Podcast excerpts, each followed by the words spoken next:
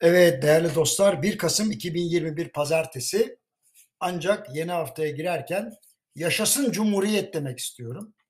Geçen hafta Ayvansaray Üniversitesi'ndeki törende Tim Başkanı Sayın İsmail Gülle'yi ihracat ve Cumhuriyet konulu konuşması için kürsüye davet etmeden evvel bir konuşma yaptım. O konuşmayı da sizinle paylaşmayı geri bir borç biliyorum.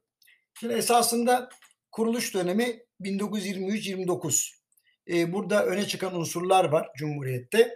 Mesela liberal ekonomi yani piyasa ekonomisine geçiş, kamu özel sektör kalkınma hamlesi yani bugün PPP dediğimiz Private Public Placement, sanayileşme hamlesi, yabancı sermaye, Türk sermayesi ortaklıklarına cesaret vermek, ekonomide ortalama %11 büyüme, tarımda ortalama %16.2 büyüme. Bunlar acayip rakamlar. Sanayide de ortalama %8,5 büyüme. Şimdi Osmanlı döneminde ticareti cendereye alan 1916 tarifeleri vardı. 1928 yılına kadar bu tarifelerden maalesef kurtulamadık. 1929 yılında Türkiye Cumhuriyeti kendi dış ticaret rejiminde uygulamaya başladı. Şunu da belirtmeliyim. Lozan Anlaşması ve İktisat Kongresi kararları bu dönemde belirleyici oldu. Bunlar Cumhuriyet kurulmadan zaten gerçekleşti. İzmir İktisat Kongresi de öyle.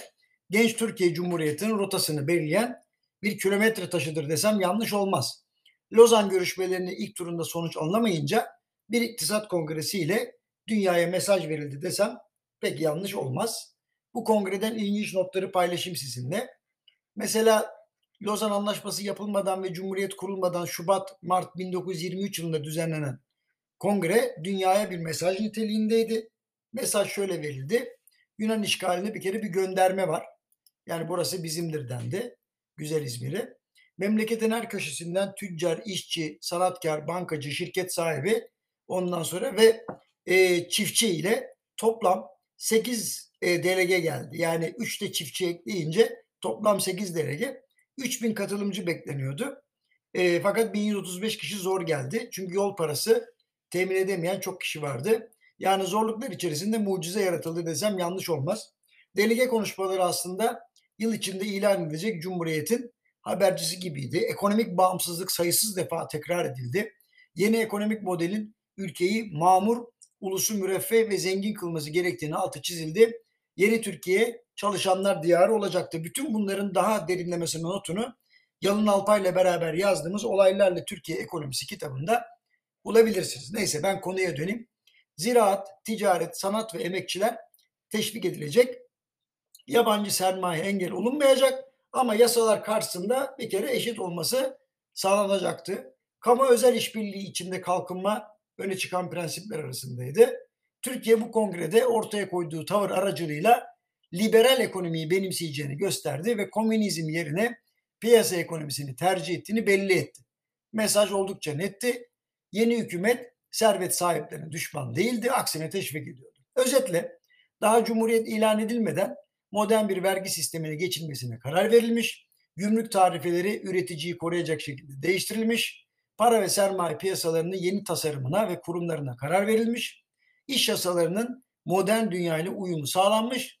Teşvik mevzuatının sanayi merkezli hazırlanması garanti altına alınmıştı. Yani önce yeni devletin görevleri tarif edilmiş ve Türkiye Cumhuriyeti vatandaşlığının değeri arttırılmıştı.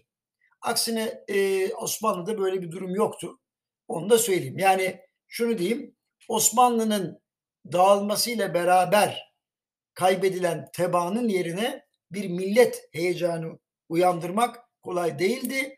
Dolayısıyla önce devlet kuruldu, sonra da millet ortaya çıktı desem pek yanlış olmaz. Şimdi 1924'te önce İş Bankası, 1925'te Sanayi ve Maden Bankası, sonra bir yıl sonra İsviçre Medeni Kanunu kabul edildi e, Sanayi Teşvik Kanunu 1927'de ve finansmanı kolaylaştırmak amacıyla 1929'a kadar 30'a yakın banka kuruldu. Ha bu arada 1928'de ilk şeker fabrikaları e, Alpullu ve Uşak e, ardından Türk lirası spekülasyonu yasaklanıyor ve Galata borsasının sonu geliyor. Amerika'da büyük buhran başladığı için ekonomi politikaları azıcık devletçiliğe kayıyor. Merkezi planlama haliyle başlıyor. Ulaşım altyapısı kuruluyor demir yolları ve otoyollarının inşası başlıyor ve Cumhuriyet'in ilk kamu işletmesi kuruluyor. Demir yolları. Ya ilk kamu işletmesi Demir Yolları e, ve 1931'de de Türkiye Cumhuriyet Merkez Bankası ile beraber ekonomik bağımsızlık perçinleniyor.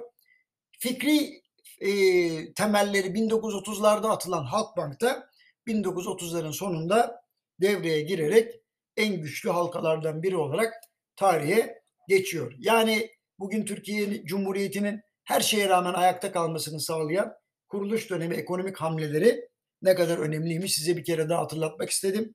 Ve bu 1 Kasım e, 2021 Pazartesi günü e, 10 Kasım'a doğru içimiz biraz hüzünlenirken, oraya doğru yaklaşırken Atatürk ve çalışma arkadaşlarının aziz hatıraları önünde minnetle eğiliyorum ve diyorum ki yaşasın Cumhuriyet. Yarın görüşmek üzere.